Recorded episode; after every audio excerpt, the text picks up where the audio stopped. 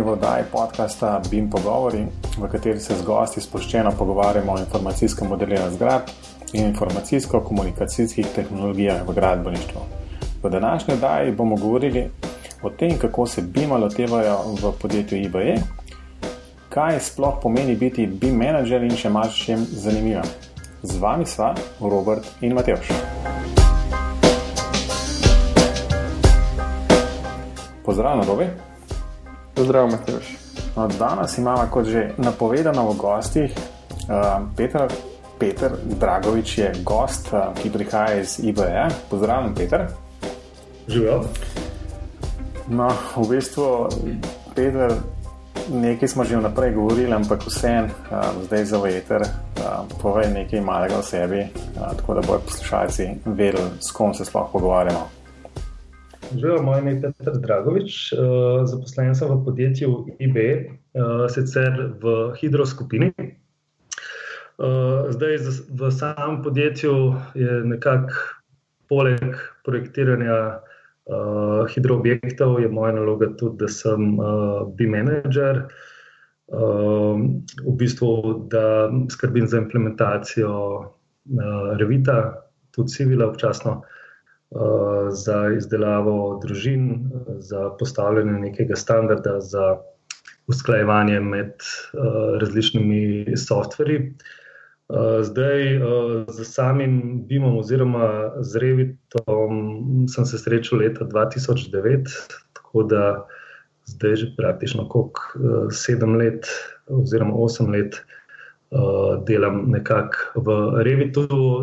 Rekl bom, da pač večino časa preživim v Revit okolju, v samem avtokedu, niti ne delam tok, uh, mogoče edin uh, s civilom, drugačen pa po izobrazbi sem gradbenik. Ne. Tako da, evo, to na kratko, par besed o meni. Odlično. Če najprej malo pokomentiram na no, to, kar si rekel, da mm -hmm. cel dan preživiš v Revitu. Mi dva z Robijem smo bila na enem izobraževanju, tako v takem zelo začetnem, v bistvu, ker nam pač želela nekaj zvedeti tudi o, pač o Revitu kot takšnem. Ne? In to je mhm. bilo dejansko bil prvi, prvi, prvi vtis je bil tak, da, da če to dejansko ne uporabljaš cel dan, ne? Uh, pa si pa zbegan, zmeraj znova, v bistvu vsak dan znova se, se učiš stvari. Ne? Ja, to, to, to, ja, ne, ne, kar povej, v bistvu, kaj, skratko vprašanje je bilo, ali je zadeva res takšna, da moš to konstantno nekako uporabljati, ali imam jaz samo tak občutek, ker je pač krivulja in ga tazga spoznavanje s obsežnim programom, v bistvu kar strma. Eh, mislim, predvsem v tej uh, fazi učenja ne, uh, se zelo tako čustveno nihanje človek doživlja ne, od nekega veselja, ki ti nekaj uspe, do uh, neke depresije, ki ne veš, uh, kaj bi naredil, ki dejansko si na tem, da bi računalnik zabrisal čez okno. Ampak uh, gre za to, ja, tako kot si rekel, ne, zdaj vsi recimo temu programi, ki podpirajo uh, BIM. Um, se vem, da je to pol debata, je proces ali je, uh, kaj je proces ali je. Ma ni več kar proces, ja, se nam komplicirali. uh, se pravi, se predal. Ja, sem se predal, ja, v bistvu. Dvignem roke od no. tega, ben ne razume stvari. No. Mislim, kaj ne rečem. Okay, jaz imam drugačno. Jaz mislim, da je BIM je v bistvu kultura. Ne? Tako da mogoče lahko eno novo besedo dodati k temu, kaj je BIM. Ne? V glavnem, kaj sem hotel povedati, je to, da uh, vsi ti programi, pa se gre za Arčike, ali je uh, tukaj Allplan, ali je Revit. Ne? Uh, v bistvu uh, gre za spremembo uh, nekakšnega načina razmišljanja oziroma sam, samega pristopa, kar se projektiranja tiče. Ne, ker AutoCAD je bil v bistvu samo podaljšek tega, kar smo prej na roke, pa na papir delali. Ne. Se pravi, si v bistvu se to preslikal samo v nek digitalen svet. Ne. Medtem ko pa delo z kakšnim koli BIM uh, orodjem, da nam fo, uh, favorizira tukaj Revita, ne, ker uh, Uh, to delamo pa nam v eBayu tudi z Allplanom. Uh, je pa v bistvu zahteva drugačen način, drugačno razmišljanje in dejansko je tudi ta krivulja, kdaj nek uporabnik rata samostojen. Ni resno v treh mesecih, kot je bilo prej, prav tako, ampak um, rab vsaj nekaj dve leti konstantnega dela v nekem programu. Ne. Uh, in uh, to je mogoče tudi en razlog, zakaj uh, se te stvari včasih premikajo počasneje, kot bi si to želeli. No, ampak meni se zdi zanimivo, da si omenil, da traja precej časa, preden postane uporabnik samostojen. Ampak moj vtis je vedno bil, da je tista prava moč Bima, pa naj bo to proces, model, kultura ali pa ne vem, karkoli hočemo temu reči. Da v bistvu prav, prave prednosti tega pristopa lahko izkoristiš šele takrat, ko cel oddelek, celo podjetje uporablja. Neko tako bim pristop, pa je se je upeljal neko kulturo bima. No? Ali imaš kakšen komentar? Ma, uh, ne vem, mislim, to vedno je to, da priješ do te točke, da resmo, vse stroke to uporabljajo, pa celo podjetje. Ne? To traja kar nekaj časa. Če govorim iz vlastnih izkušenj, je bilo tako, da smo se mi na, na hitro oddelku znotraj VEO odločili, da bomo probali z revitom. Ne? dejansko že pri prvem projektu, ki smo ga naredili v uh, Revitu. Uh, šlo je se mi zdi za um, idejni projekt za črpalno elektrarno Kozjak, ne, uh, pa je bil samo gradben del uh, takrat narejen. V Revitu smo dejansko videli ogromne, ogromne prednosti. Ne, to pa samo zaradi tega, ker največji problem pri večjih objektih je kontrola uh, količin. Ne? In uh, da ne govorim pol o samih uh, kolizijah med različnimi strokami, to je kasneje prišlo. Ne? Samo da uh, se mi zdi, da je vedno ta pravi način, ko začne neko podjetje delati, ne? da se ni nujno, da se BIM uporablja za to, da ti na koncu dobiš nek 4D, 5D, 6D model. Ne? ti lahko v bistvu tako urodje uporabiš čisto nekih uh, idejnih uh, zasnovah, kjer imaš uh, opraviti sam z nekimi, uh, recimo, uh, mesi, z nekimi kubusi, z nekimi volumni. Ne? Mogoče že dobiš tisto informacijo, ki je tisti trenutek važna za tebe, da lahko nek projekt speleš naprej. Ne? Tako da bim, jaz vidim velik problem v tem, ker vsi provajo nekako BIM opredeliti točno, kaj je. Ne. Jaz mislim, da je pa BIM uh, preko to, ne, da je tak širok spektr uh, uporabe uh, tega načina projektiranja, da v bistvu je sam na uporabniku oziroma na uh, podjetju, ne, da se odloča, okay, v tej fazi rabimo take pa take podatke. Uh, dobivati to je za nas pomembno, lahko to dobimo s tem urodjem, ali ne, in v večini primerov lahko ne. Ok. Um, v bistvu si omenil, pač, da ste se vi odločili na, na oddelku, da boste pač um, to uporabili na enem konkretnem, na konkretnem projektu. Zdaj, mene bolj zanima, ker si omenil tudi, recimo, da BIM je, pa se lahko delno tudi strinjava, bolj ali manj kultura, v bistvu način razmišljanja. Um, pri, pri izvedbi takšnih projektov. Um, kako se tega lotite v enem, kako ste se vi pač lotili v, v, v podjetju, ker, ker si zelo težko predstavljam, da pač, ali pa če pride iz top-down, v bistvu odločitev, ja, bim od jutra naprej, ne, pa v tem in tem programu bomo delali. Ne.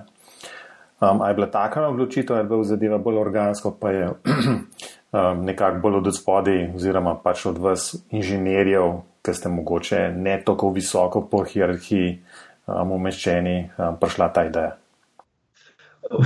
V bistvu je bilo tako, no, da jaz sem se samim zrevitom srečal na CGS konferenci uh, in pol sem, uh, sva bila sodelavcem na konferenci, sva pač nekako videla potencial, kaj bi se dal s takim urodjem narediti tudi na naših objektih. Uh, In uh, po mojem, smo imeli malo sreče takrat, ker je bilo že v teh paketih, ki smo jih imeli mi od Autodeska, ne, je bil po defaultu že Revit tudi noter. Ne. Tako da vprašanje, kako bi bilo, če bi leta 2009 začeli nekako pritiskati, da bi bilo potrebno neke nove pakete kupiti za neko programsko opremo, s katero ni še v bistvu noben delo. Uh, tako, ker je bila pa v bistvu že v hiši ta programska oprema. Uh, in je imel tudi uh, pač šef, uh, zdaj, ko je Sipovič imel nekakšno razumevanje za to tehnologijo, no, ker uh, je tudi on dosta v tem že prebral, so se v bistvu stvari organsko bolj uh, razvile naprej. Saj, zdaj, če za nazaj gledam, to pač bilo je predvsem iz nekega mojega entuzijazma.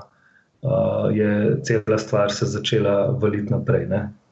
Pravi, tega, da sem uh, Eh, ogromno nekih ur uh, porabil, da sem vem, določene standarde bral, mogoče gledal, kako delajo katere stvari v tujini. Ampak, če primerjam z količino podatkov, ki so bili vem, leta 2009 razpoložljivi, ne, ali pa zdaj leta 2017, je zdaj neprimerno.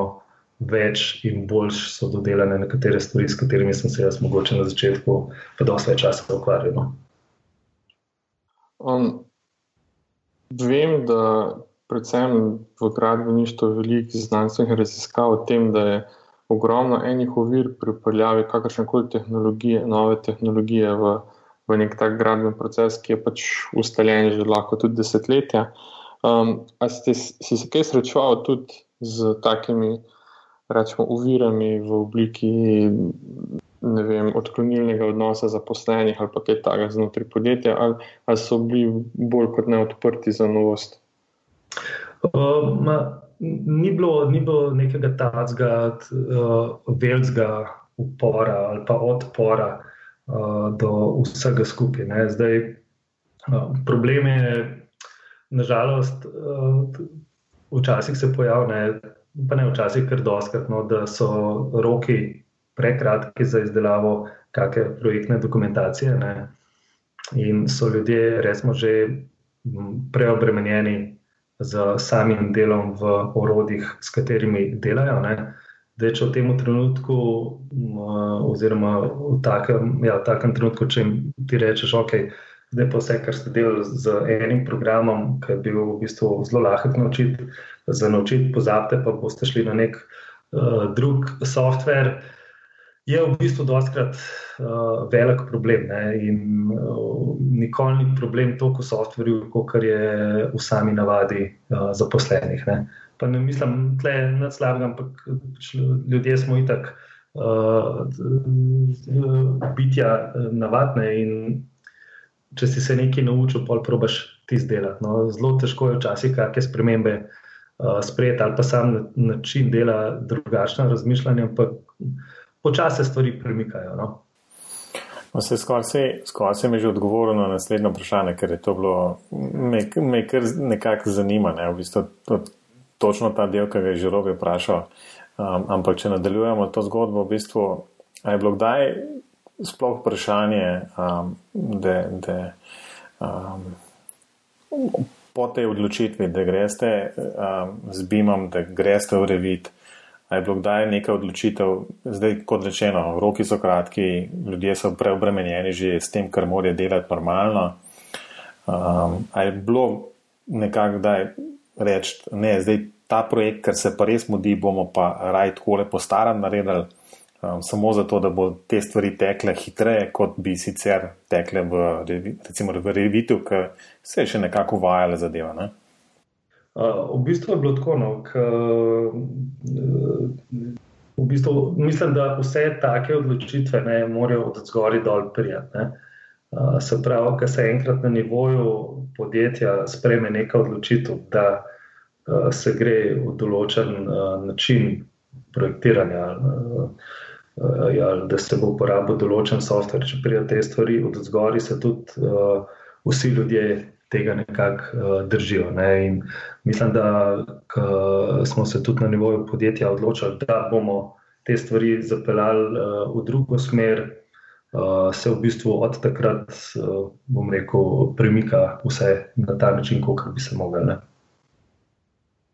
Ni bilo, ni bilo, ni bilo uh, v tem nekega, uh, recimo, upora ali pa. Uh, sej, sej nisem, nisem napelval na karkoli podobnega.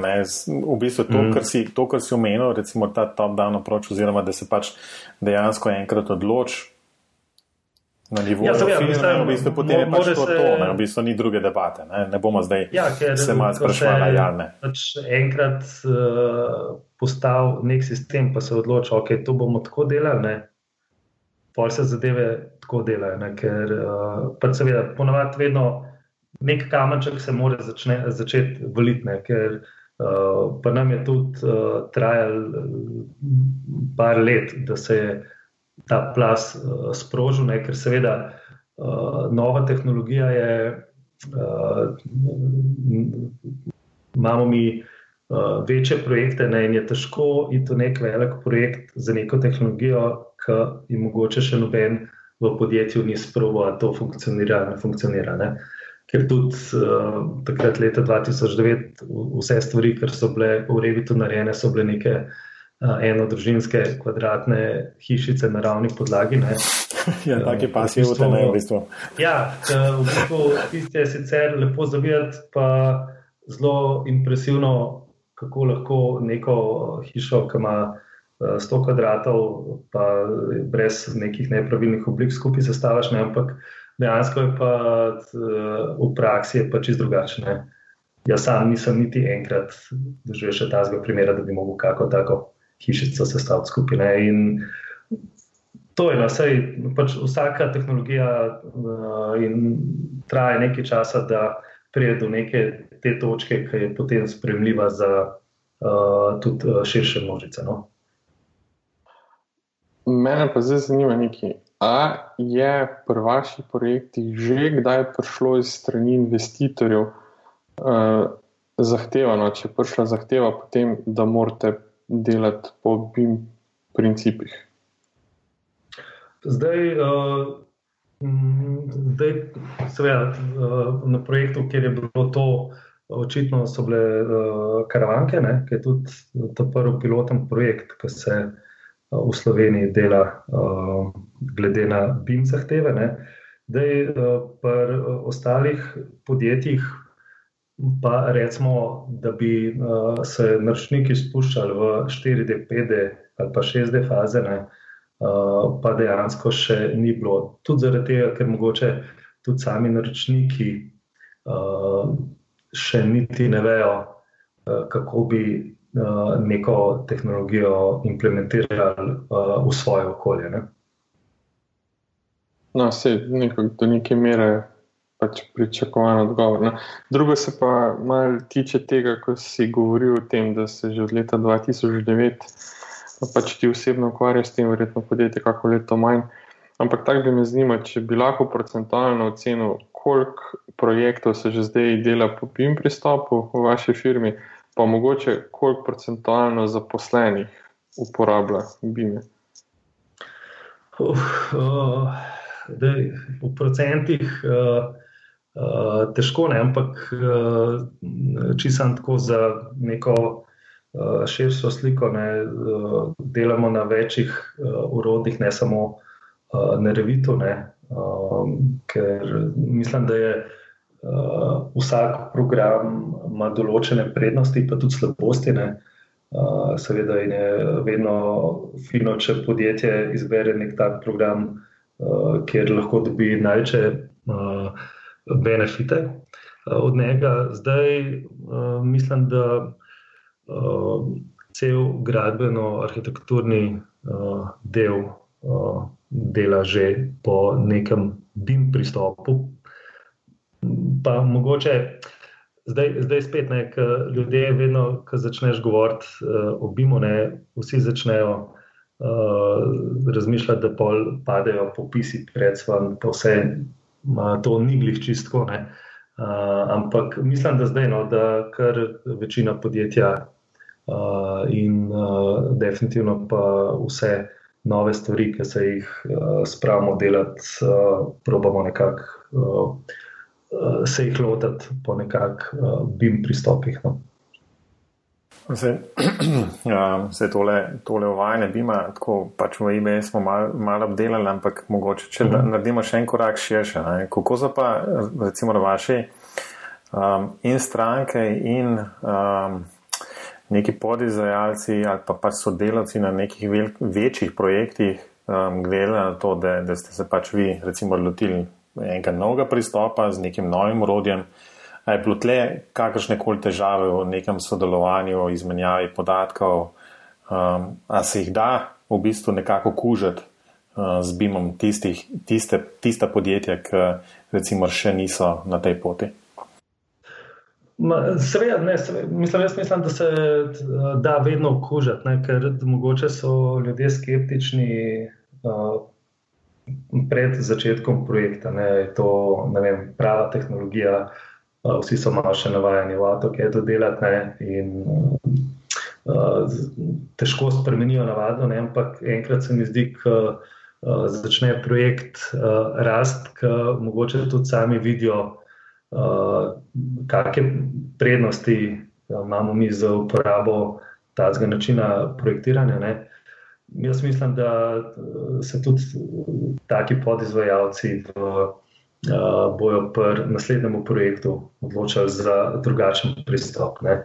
Uh, je pa doskrat, ne vem, uh, glede na to, da se jaz dosti veliko ukvarjam za samo implementacijo te programske opreme, vidim doskrat problem v tem, da um, je nekdo na neki predstavitvi tam videti, uh, mogoče, kaj se da vse z BIM-om naresne, uh, se pravi uh, od popisov do, popisov do neke časovnice, do upravljanja, ne, in uh, potem prije nazaj uh, v podjetje ne, in reče, ok, mi bomo zdaj BIM uporabljali. Zdaj, uh, sam tak pristop se mi zdi, da je uh, zgrešen, ker uh, je tukaj vseeno prisotno veliko nekih uh, standardov, ki jih je potrebno znotraj podjetja recimo, narediti v tem, na kakšen način se bodo katere stvari delale, uh, kaj hočemo sploh uh, od samega modela dobiti. Ne. Ni v bistvu taka stvar, kot je bila pri AutoCAD-u, ki se je rekel, ok, par črt potegan, pa bo ne. Da je sam uh, model, ne, brez neke koristne informacije, pač ni BIM, ne, je samo 3D model. Ne. In uh, mislim, da je tle največji problem to, da ljudje doskrat ne vejo, kakšne informacije bi si sploh želeli imeti v modelu. Sem no, zašel iz, iz vprašanja. Ne, mislim, ja, da si, ne. mislim, da si odprl super, super nove stvari. Ne. Tako da je ja, odgovor je na mesto. Meni se zdi, da je to lepo uvedel naslednje vprašanje, ker veliko teh nalog, ki si jih zdaj upisal, je verjetno nalog, ki so jih v zadnjem času dodelili enemu novemu profilu delavcev in to so BIM menedžerji. Mhm. Um, zdaj, kot si prej na začetku že samo omenil, si ti prevzel to neko vlogo BIM menedžerja v vašem podjetju. Pa bi mogoče na začetku zanimalo, kaj, kaj si s tem mislil, kaj vse je tvoja naloga v okviru te vloge? Uh, ja, zdaj, uh, moja naloga je tukaj uh, v tem smislu, da uh, vodim neka interna izobraževanja, da uh, razvijam uh, družine, oziroma da pripravljam oziroma poslovensko družine. Uh, da uh, pripravljam kode v Dynamo, ne, pa ne zameramo za tisto pripombo, ki ste imeli ene tri podcaste nazaj. Uh, uh, Da je bilo preveč govora o Dynamo. jaz sem to rekel, tako da jaz, A, jaz okay. sem kriv. Ja. Ne, sej, bom pa še tudi malo o Dynamo povedal, no, ker se mi zdi nek tak super dodatek. Pa mogoče tudi razložil, ker vem, da ste rekli, da uh, uh, v bistvu, kot sem jaz dobil, niste točno vedela, kako bi ga opredelila, pa kaj bi z njim. Uh, zdaj, uh, poleg uh, vsega tega, ne, tudi uh, gre, pač skrbim za neko koordinacijo tudi na projektih. Ne. ker seveda na projektih, kjer je prisotno več strokne in več programskih urodij, to zahteva vsem neko strukturo in organizacijo. Ne. V bistvu ne gre toliko za to, kot je mogoče šlo včasih, ko so se podatki pošiljali prek nekih mailov. Ne uh, s tem se zgublja dosti neke informacije, ki je pa uh, v vsaki fazi uh, projektiranja zelo važno. No.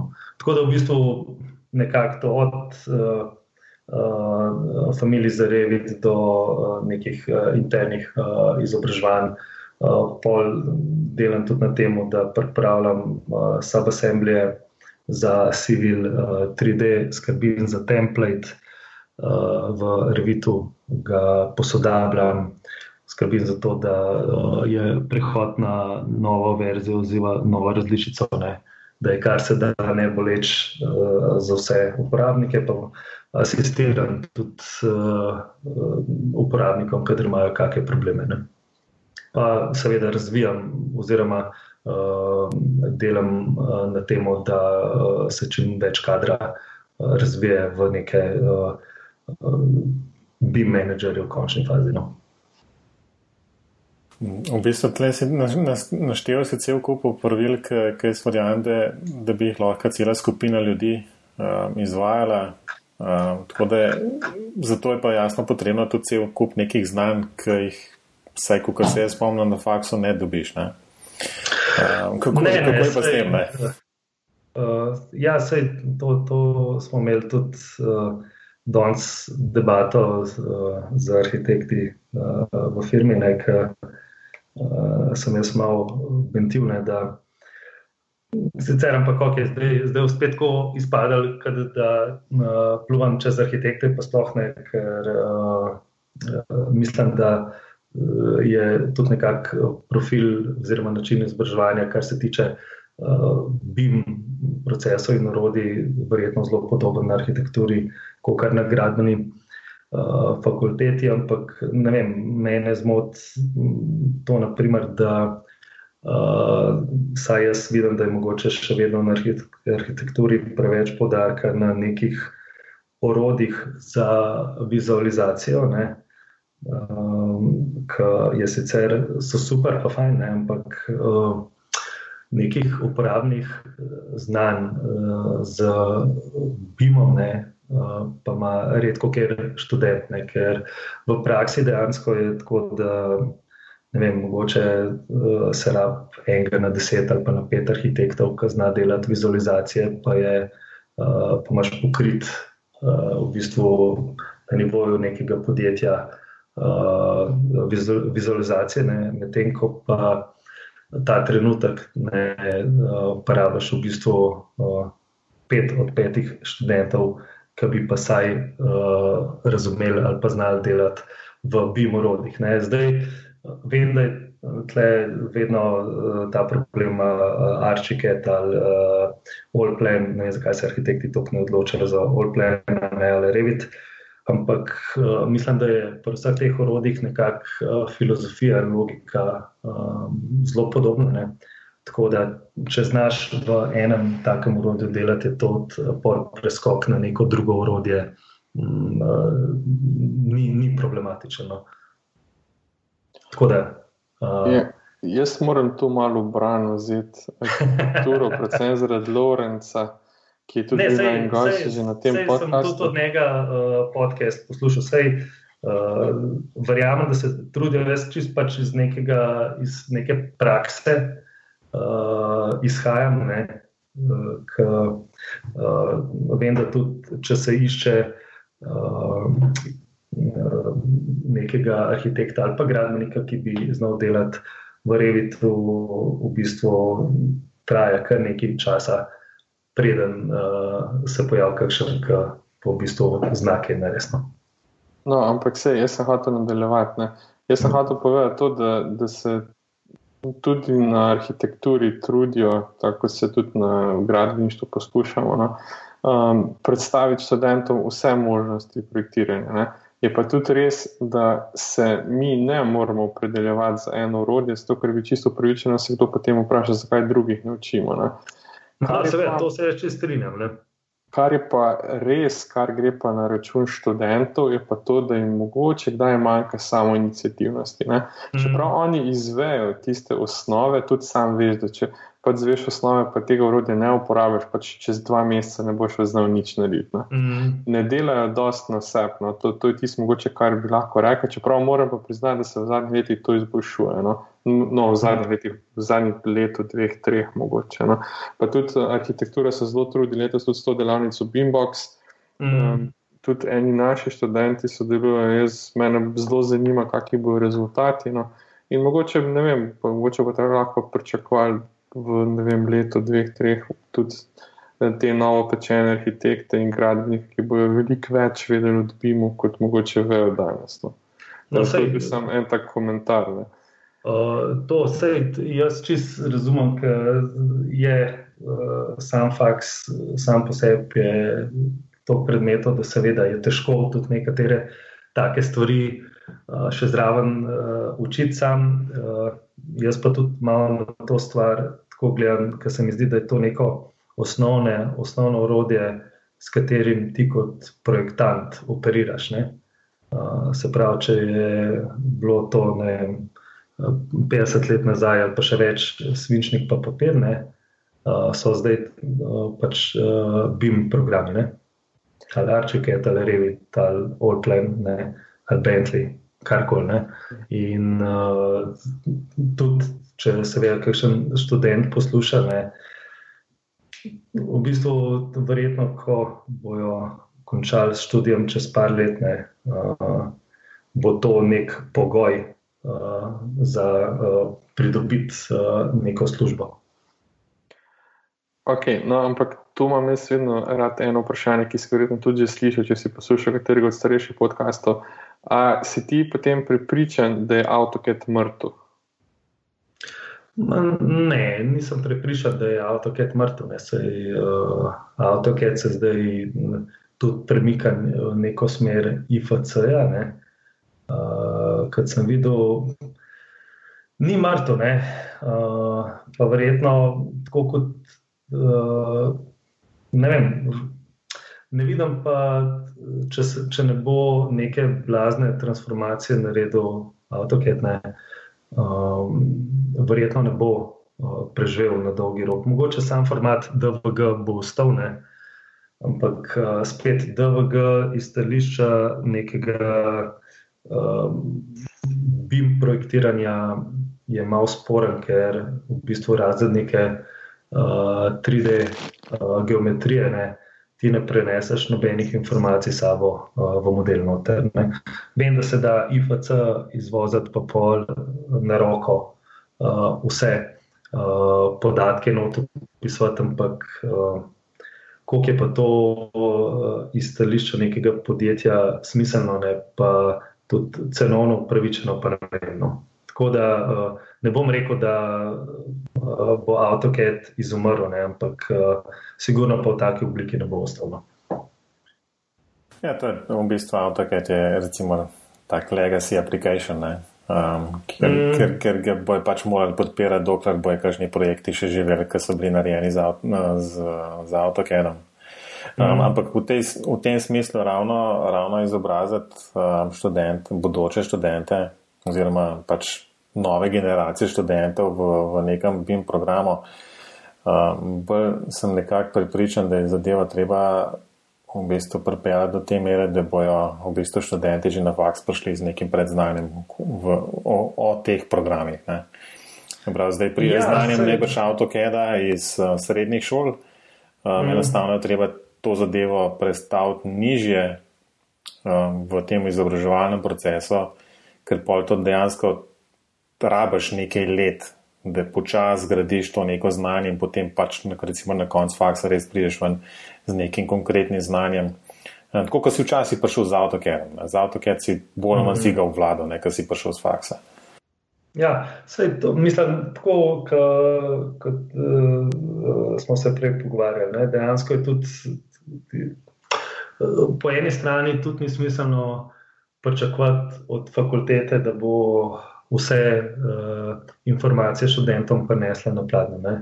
Pač veliko je tudi uh, tukaj pri vseh teh zadevah to, uh, koliko uh, od nekega uh, lastnega angažmaja vsakega posameznika. Ne. To se mi zdi, da je v bistvu še največji faktor, pa vsem skupaj. No, no se, jaz sem hotel tukaj dodati, da vsak je prišel iz faksa z znanjem AutoCAD, ampak tega se je naučil sam. Ne.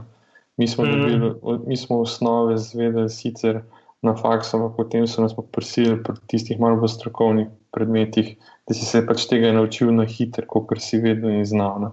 In mm. tu, tu se pa zdaj malo pozablja v zadnjih letih, da, da je treba tudi kaj doma delati. No, zato mogoče imajo ta prepad med pričakovanji industrije in pač tem znanjem, ki ga študenti sami prenesejo. Ampak spet, da stopim malo v bran študentom, te zadnje generacije se precej bolj zavedajo.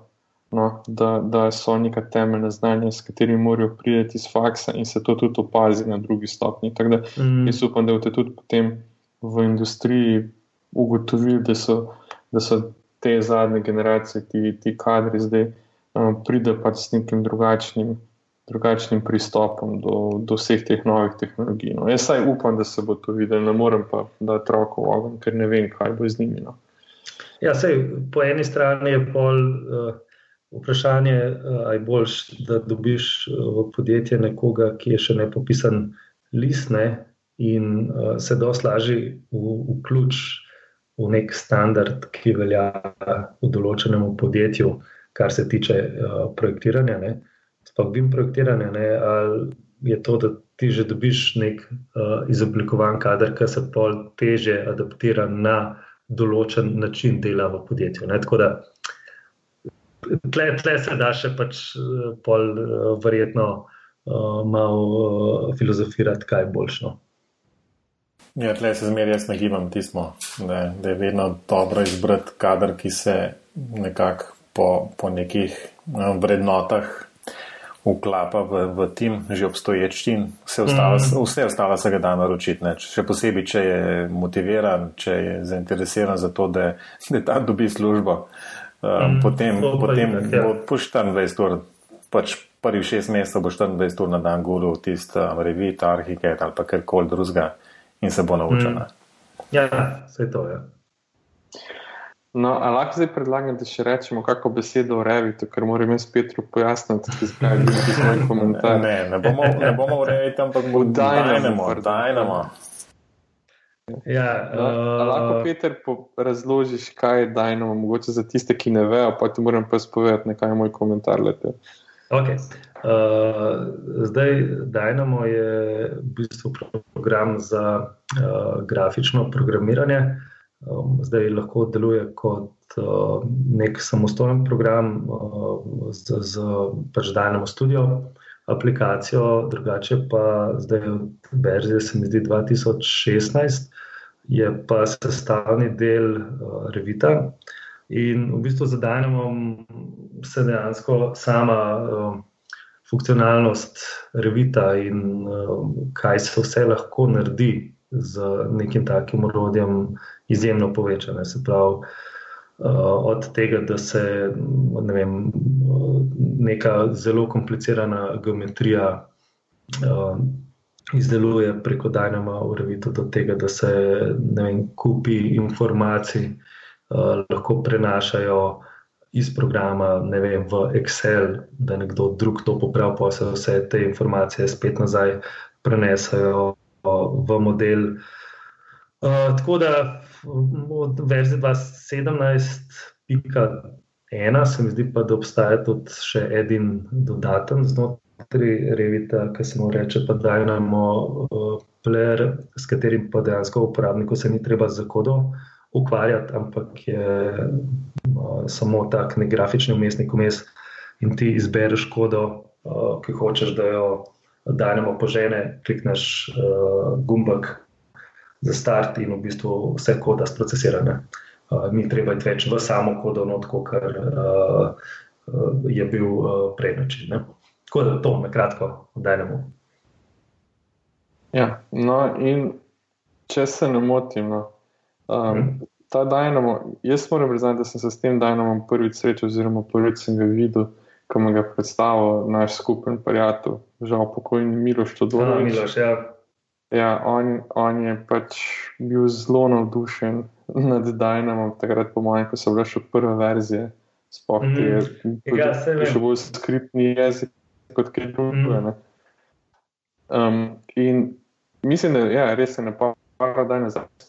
Mislim, da bo to v sklopu uh, ene konference. Ne vem kaj, da je bil komentar, da je mogoče bilo malo preveč Dynamo že. No? In to zato, mm. ker jaz o tem Dynamo poslušam že od takrat, ko je Miloš to prvič razlagal in bolj kot ne so skozi eni in isti primeri. Tiste sozice iz Dubajskega, ne vem katerega letališča. In zato to je bilo samo enkrat. Na sej večkrat, ne sej zato pravim. In zato je bil moj komentar, da je mogoče tega že malo preveč, ker sem si želel tudi kaj druga videti, no, da ne boš kaj narobe vzel. Ja, ne, si pa predstavljam, da brez. Si pa predstavljam, da brez Dynama v enih takih zahtevnih projektih, ki se jih vi lotevate, dejansko sploh ne morete shajati. Ja, v bistvu mislim, da Dynamo zdaj eh, lahko služi dejansko so neomejene možnosti uporabe uh, Dynama. Ne sem, ne vem, kakšne pol leta nazaj sem gledal nek, uh, oziroma nek um, tale intervju bil z enim uh, fantom iz nekega biroja v Ameriki. V bistvu so delali v nekem parku, neke take radijalne uh, zidove na sprehajališču. Uh, ki so, znot, mislim, tako so bile narejene kot uh, školka, ki je pač ta del sprehajališča služil tudi kot nek mehen koncerten prostor. Ne? In dejansko so stene uh, te školke preračunali uh, v Dynamo, glede na odboj zvoka. Ne? Se pravi, da so oni, glede na podatke, ki, si, ki so jih dobili v uh, uh, so uh, lahko optimalno obliko uh, teh sten uh, določile. Zdaj, mogoče je. Zdaj, vsak se ustraši, da je nama. Jaz osebno v kakšnem programskem, računalniškem programskem jeziku, kot je C, ali pa Pythonu, mislim, da je Python zdaj uh, znam neke osnovne stvari skupaj spisati, ampak drugače kaj bolj resnega dela pa v C ne znam, ne, ker sam Dynamo je nastal, se mi zdi, da sta ga dva arhitekta skupaj spravljena in gre samo za povezovanje nekih logičnih procesov, ki so že uh, prenaloženi v Dynamo ali se pa prek teh Dynamo package managerjev, ki se lahko uh, zdownloadajo iz neta in ti dejansko samo uh, neko logično zaporedje stvari, ki hoče, da se zgodijo z informacijami, z modelom, povežeš skupaj in dobiš na koncu tisti rezultat, ki ga rabiš. No. Gre, gre, mislim, meni všeč zaradi tega, ker ti omogoča zelo velik uh, in v bistvu razen nekega logičnega procesa, ki ga moraš ti ali si na list napisati, ali pa uh, v glavi sprocesirati, ne, ne zahteva od tebe. No, se, to, to je bilo pa v bistvu moj, po mojem, enkrat komentar, moj, uh, ki sem se z Robijem pogovarjal. Ne, da, da, v bistvu, mm. da Dynamo je bolj ali manj pač nek, neka školka okoli pač nekega programskega jezika. Ne kjer imaš mm pač tiste neke gradnike vmes, ki so zdaj jasno v Dynamo z lepo grafično predstavljeni, pa gre pa pušica levo, pa pušica desno, pa neki noter, pa neki ven. Ne? Mm je, pa, je pa najbrž tudi res, da lahko konc koncev napišeš tisti tist košček sam, ne? ali ga pa nekje z neta dobiš, um, ki dela točno tisto, kar ti hočeš. Ne? Ali pa najbrž tudi ja. kaj prilagodiš po potrebi. Ne vem, ker ne poznamo v bistvu. Ne, ne, je v bistvu točno tako. No, Sej ne vem, koliko poznate tudi uh, zelo podobna stvar, je program Grasshopper. Ne? Ja, ja, od, od je bil pa ja, z Arhiketom uh, povezan in v bistvu je nekako ista logika od zadaj. Jaz se mislim, da je to bolj kot ena ista družina, pa isti princip, vse skupaj pač neko visual programming, kako rečemo, vizualno ja, programiranje. Ja. pač, da bi olajšali delo ne programerjem. No. Točno tako je. In uh, da na nek način tudi ti, kot nek uporabnik, ne, uh, lahko samo funkcionalnost uh, softvera, v katerem delaš, ne, izjemno povečaš na ta način. Ne. Ja, vsekakor, na mestu bi dodali neke nove možnosti, dodali nekaj zelo močnega, s katerimi si lahko sam te nove možnosti doprogramiraš, glede na potrebe. Ne. Po drugi ja. strani je pa to. Po drugi strani pa to v bistvu voda na mlin večjim podjetjem, ki imajo morda take strokovnjake kot Citine, ki lahko dejansko razširijo nek nabor možnosti. Mogoče pa to malo slabše za tiste, ki so one-man band, ki morda nimajo toliko časa, da bi ga posvetili takim stvarem. No? Ampak ja, pač razširiš nabor možnosti, ki ti jih nudi en tak program. No?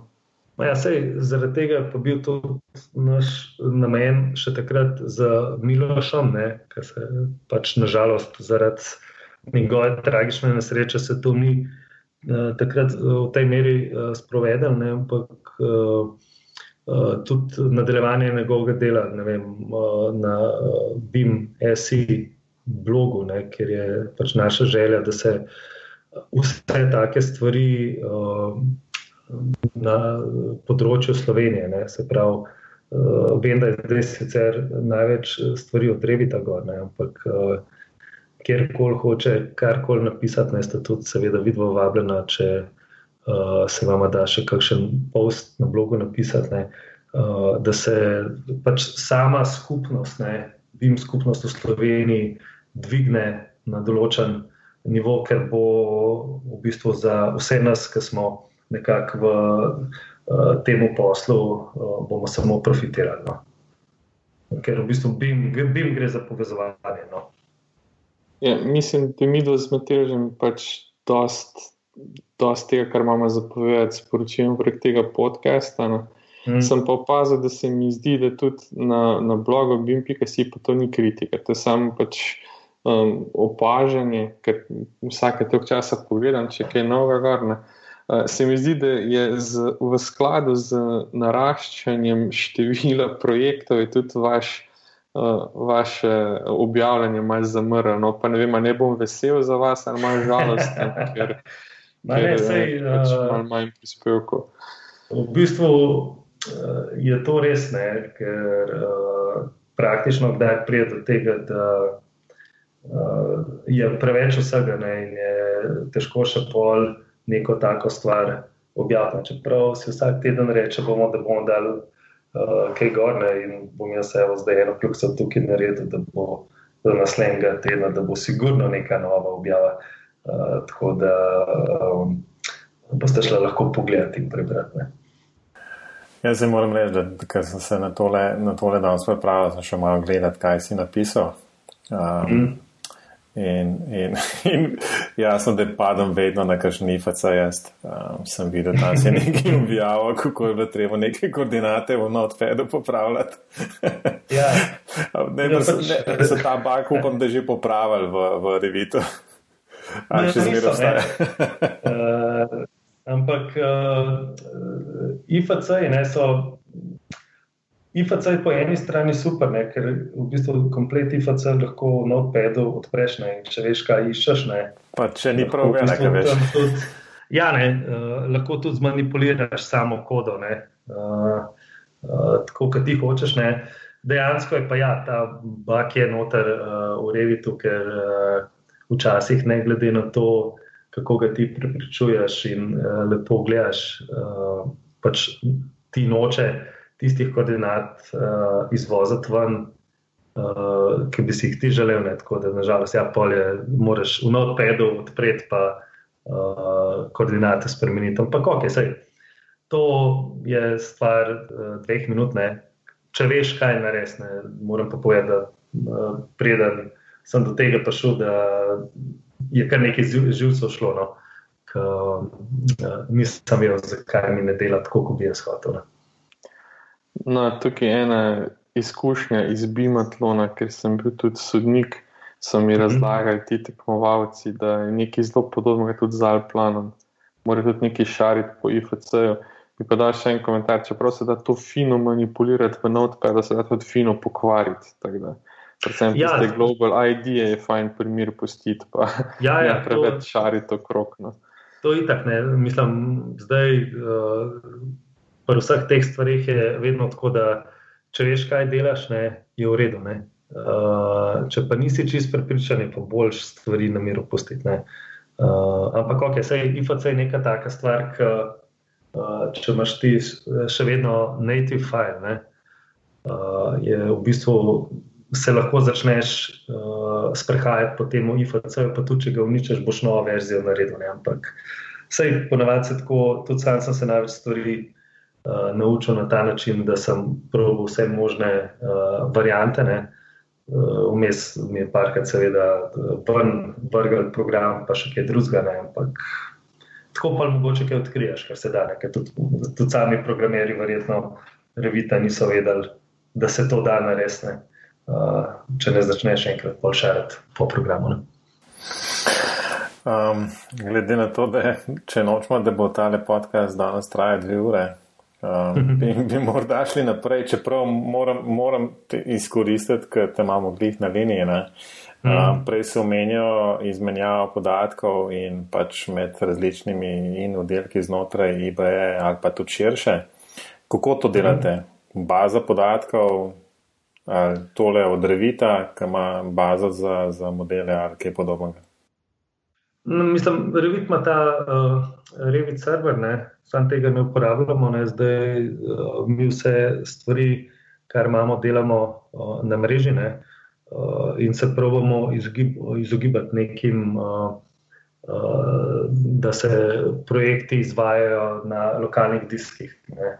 Prvič zaradi. Uh, samega, same shrambe podatkov, ne, ker uh, dokler so stvari na serverju, ne, so dosti bolj zaščitene, uh, kot pa na navadnem računalniku. Tako da samo sam ta uh, način uh, dela ne, in organizacije je, je povzet uh, delno po uh, angliškem uh, BIM standardu. Ne.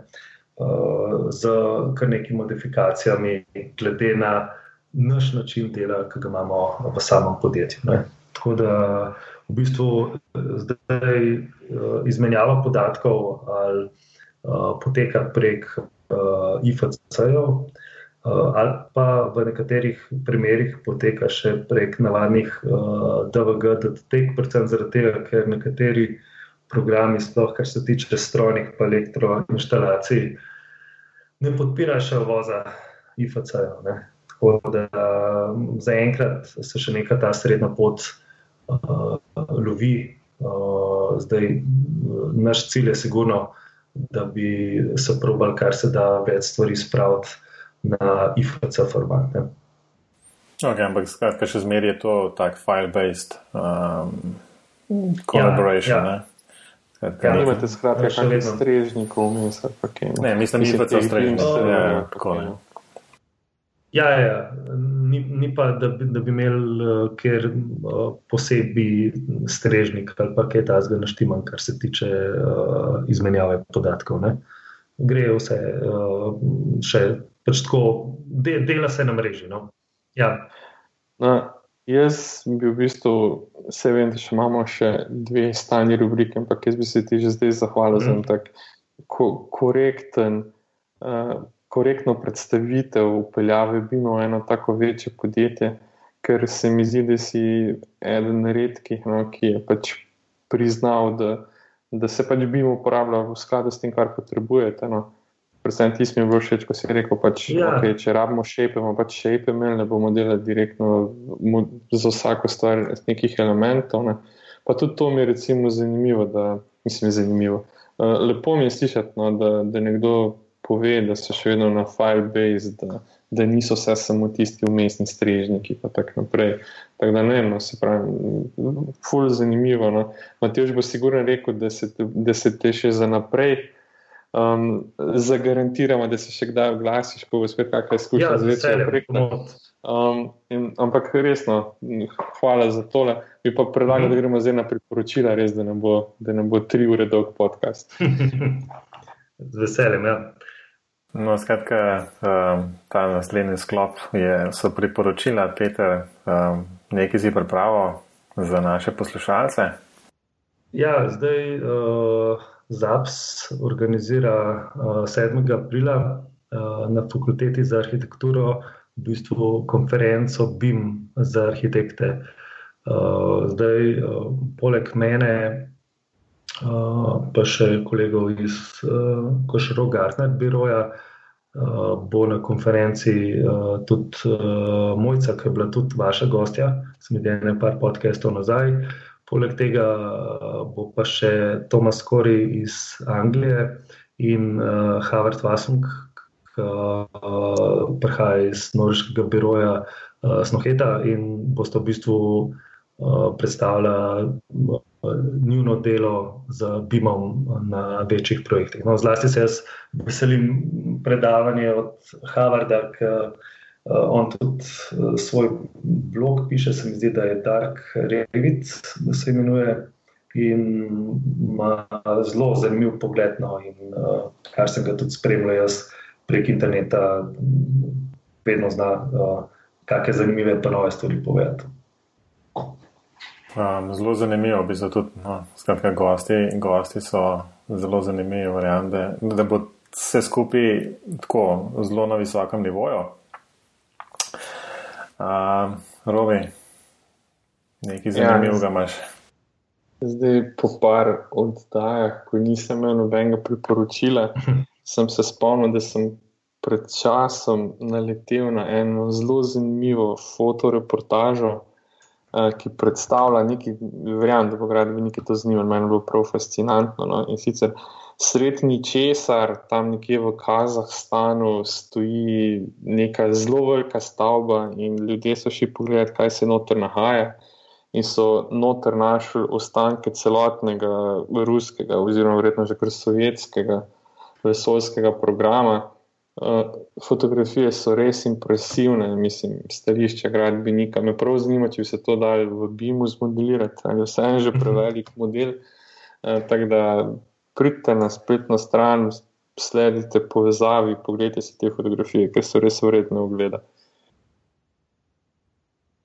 Okay, hvala. Uh, no, jaz imam danes celo dve, eno sem robil, krado. Uh, to je podcast za kolisje. Uh, tole mi je po mojem robi povedal, kakšen teden nazaj. Moram reči, da sem zdaj eh, zvest poslušalec vseh oddaj, ki so bile do zdaj že objavljene. Skratka, podcast pa govori, oziroma v podcastih avtor intervjuja različne um, osebe, ki so ustvarile neke start-upe, uspešne zgodbe, kot jih on poimenuje, in v bistvu se pa pogleda v zadje, v zakolisje tega. Tako da je zelo zanimivo poslušanje, um, predvsem tudi stališča, kaj se da narediti, kaj se ne da, kakšno je razmišljanje teh, recimo, um, sodobnih podjetnikov. No, ta druga zadeva je pa en projekt uh, Sunroof, uh, to je pa od Google.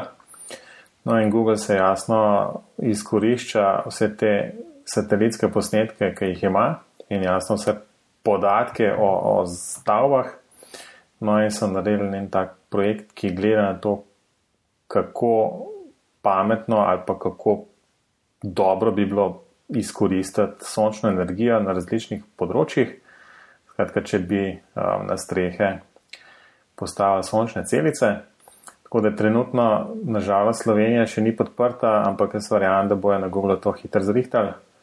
Tako da obstaja pa, skratka, na povezavi imajo tudi pripravljen nek tak um, testen poligon, kjer si lahko izbereš in malo pogledaš in ti zaračuna, koliko bi prehranil na letni, na letni bazi v bistvu neke energije, um, denarja, konc koncev, če bi um, to inštaliral. To je zelo zanimivo, no? meni se zdi kar impresivno. Um, več, kaj smo pri jasno pomembnem delu, to so hitre vprašanja, zdaj lahko bi se šle z robjem ugibati, kaj, bomo, kaj, bo, kaj bojo odgovori. Tako da bi imela kar tri od tri. Tri od tri bi bilo tole. Ne? Res? Prosim? Demo probati. Demo probati. No, da je Robi, kaj bo za prvega rekla. Ja, mislim, da bi jim programsko oprema, če bi rekel karkoli drugo kot Revit. Mislim, da ne vem, kaj smo se zdaj več kot eno uro pogovarjali. Ja, imam prav. To je, ja, uh, sam sem delal uh, v Olplenu, uh, ene pet let nazaj, Armaturo, Civil, uh, 3D. Uh, tako da, v bistvu, sam začek je, da nisem neki na polno delo. No. Drugač pa, ja, Revit pa daleč pred drugimi, vsaj za me. No, zdaj bomo pogulfali, pa bomo, pa bomo tole drugo vprašanje. Ne? Matej, vse ti tako veš, ne, da bi model v nobenem primeru ni tako. Ustane še proces, ampak mi dva lahko gulfamo, pa povemo, kaj nam je že prepovedal, kaj je za njega bim, tako da bo potem res tri od tri. Ja, Vsi sem se izdolžil. Ja, ja sej prav, ne, sej, ampak Če, kaj smo imeli do zdaj? Do zdaj smo imeli uh, model, proces, pa management. Uh, Za nas je mojca tudi nekaj na to temo uh, prepričanja, oziroma uh, kako se ona izraža. Filozofija. Filozofija, Filozofija. tako je. Hvala, hvala. Dobro si poslušal to nazaj. Poslušamo, ja, ja. Mi in v sam nakladamo tukaj, v bistvu pa ne poslušamo za nazaj. Ampak danes je Peter novo uvedel. Ja, res je. Sam mislim, a, smo, a, smo, a imamo sploh filozofijo tam noter, po mojem, sploh nimamo. Ja, potem moš pa spremeniti, ker moj je bila zelo. Je bila zelo prepričana v to, v svoj prav. Ja, se je prav. Ja, um. No, ugan, kaj bo rekel Peter? Čakaj, kaj je že rekel? Noč ga nisem ja, poslušal zraven. Kultura, ne. Kultura je, ne? Čakaj, o, imamo, imamo filozofijo, veš, da sem upošteval mojca um, ok, kultura, ampak dobro, a ni to bolj filozofija? Ker... Pa da, bo, da bi se na filozofskem nivoju zdaj debatirali. um, ja, neč, lej, um, bomo uvedli nov, no, novo, novo zadevo in to je kultura. No, le, Matej, v bistvu to samo vprašanje, oziroma najpomembnejše del je, da to ni model. Tle se vsi strinjajo, ne, v bistvu. Se ne vem, kjer, kjer je nasedlo na to, da, da je rekel še, da je model, v bistvu tizga moram na kavo penati. Uh, sem že malo pozabil, ampak bom nazaj pogledal. Uh, no, zadnje vprašanje je pa ta odprt pristop k BIM-u, uporaba BIM standardov, kjer pa najbrž spet lahko ugibava in reče, da je to absolutno. Ja, definitivno. definitivno. No, evo, tri od tri, vidiš. Tri od tri. Ja, ne. Ja, ne. Ne, se, ne, ne, v bistvu še enkrat, tako kot je že Robi prej rekel, super, super sogovornik, kjer, kjer, kjer si nama povedal in pojasnil stvari, ki si jih dva niti nismo upali vprašati. Um, tako da najlepša hvala za, za tole. Ja, um, strah je največ človekov neprijatelj. Ne ja, res je. No, um, imamo še kaj za dodati? Smo povedali, da poleg tega, da, da Peter mora ob, obvezno spet uh, biti gost, uh, bomo si zapisali, um, da, da ga spet povabimo. Ja, drugače pa Peter nismo ti umeli, mislim, da si zadnji gost v prvem letu tega podcasta. Res. Ja, let, leto je na okolje. Ja. Ja, sej, kaj ne rečem, za, na koncu ste najbolj prišpeli. Ja, res je. Samo za vest serijsko. no, Peter, daj povej še, kje te, kje te poslušalci lahko najdejo uh, na internetu. Ja, zdaj, uh, ja, kot sem uh, že prej rekel, ne, uh, BIM.si, se pravi, lahko na Peter Afna, uh, BIM.si, uh, lahko na Peter.dragovic, Afna, Gmail.com uh, uh, ali pa eBay.si. Okay, bomo, bomo se tole polinkali, um, Robi, še zmeri na, na, na Twitterju, Robert Klinc še zmeri na Twitter, čeprav rajš kot na Twitter mi pošljete mail, zadnje čase nimam časa Twitterja brati. Imam preveč vaj, Robert, afna, klinc, pika nič. Da se mal potožim še tu. Ja, tako. No, ker, uh, jaz sem tudi na Twitterju, veš, to sem pa še pozabil. Ne, to pa, uh, to pa definitivno mora biti. Sem na vseh uh, državnih socialnih omrežjih. Kaj imaš pa Twitter handle? Oh, zdaj pa ne vem, sam sem zdi, če je Petr Dragovič, da sem edini tam, ali na Twitterju, ali na Facebooku. Pač, uh, po mojem, ni težko najti, če mi kdo hoče najti. No. Ja, ne, se samo zato, da, zato, da veš, kje, kje je tvoj tak najbolj, najbolj um, zaželjen kanal, po katerem bi želel, da te nekdo kontaktira. Drugače, verjamem, da Google poznal še tisto, kar si že ti pozabil. Ja, Zdi se, da si imel na Yahooju tudi kakšen račun. Ne, sem imel pa na Hotmailu. Pred Facebookom. MySpace. Uh. MySpace, točno. Ja, ja. Ker sem te našel. No, na Twitterju imaš pa handle Dragovic. Ja, ja, to je to. No, odlično. Uh, skratka, jaz sem še zmeraj na mateždolenc.com. BIM pogovori, pa tudi na, na spletu, Facebooku in Twitterju, povsod BIM pogovori, v glavnem um, želeli bi, da poslušalci kaj pokomentirajo, tako da to lahko naredijo ali prek Facebooka, Twitterja. Um, morda še celo kdo pusti kakšno oceno v iTunes, um, sicer pa morda sicer že 14 dni stara novica, ampak vseeno ne bi jim pogovarjali tudi na YouTubu. Tako da, um, če ima kdo raje pač ta način poslušanja audio podcasta, uh, tudi YouTube je, je, je v bistvu, bi jim pogovarjal, skratka, tudi na YouTubu. Um, to je vse za danes. Um, Peter, še enkrat najlepše hvala. Ja, hvala za povabilo. No, bomo držali um, besedo in te spet povabili čim prej. Mislim, da, da bomo lahko odprli še cel kup nekih novih vprašanj, um, tako da um, se priporočava z veseljem. No, več, um, Peter, Rovi, adijo. Ja, adijo.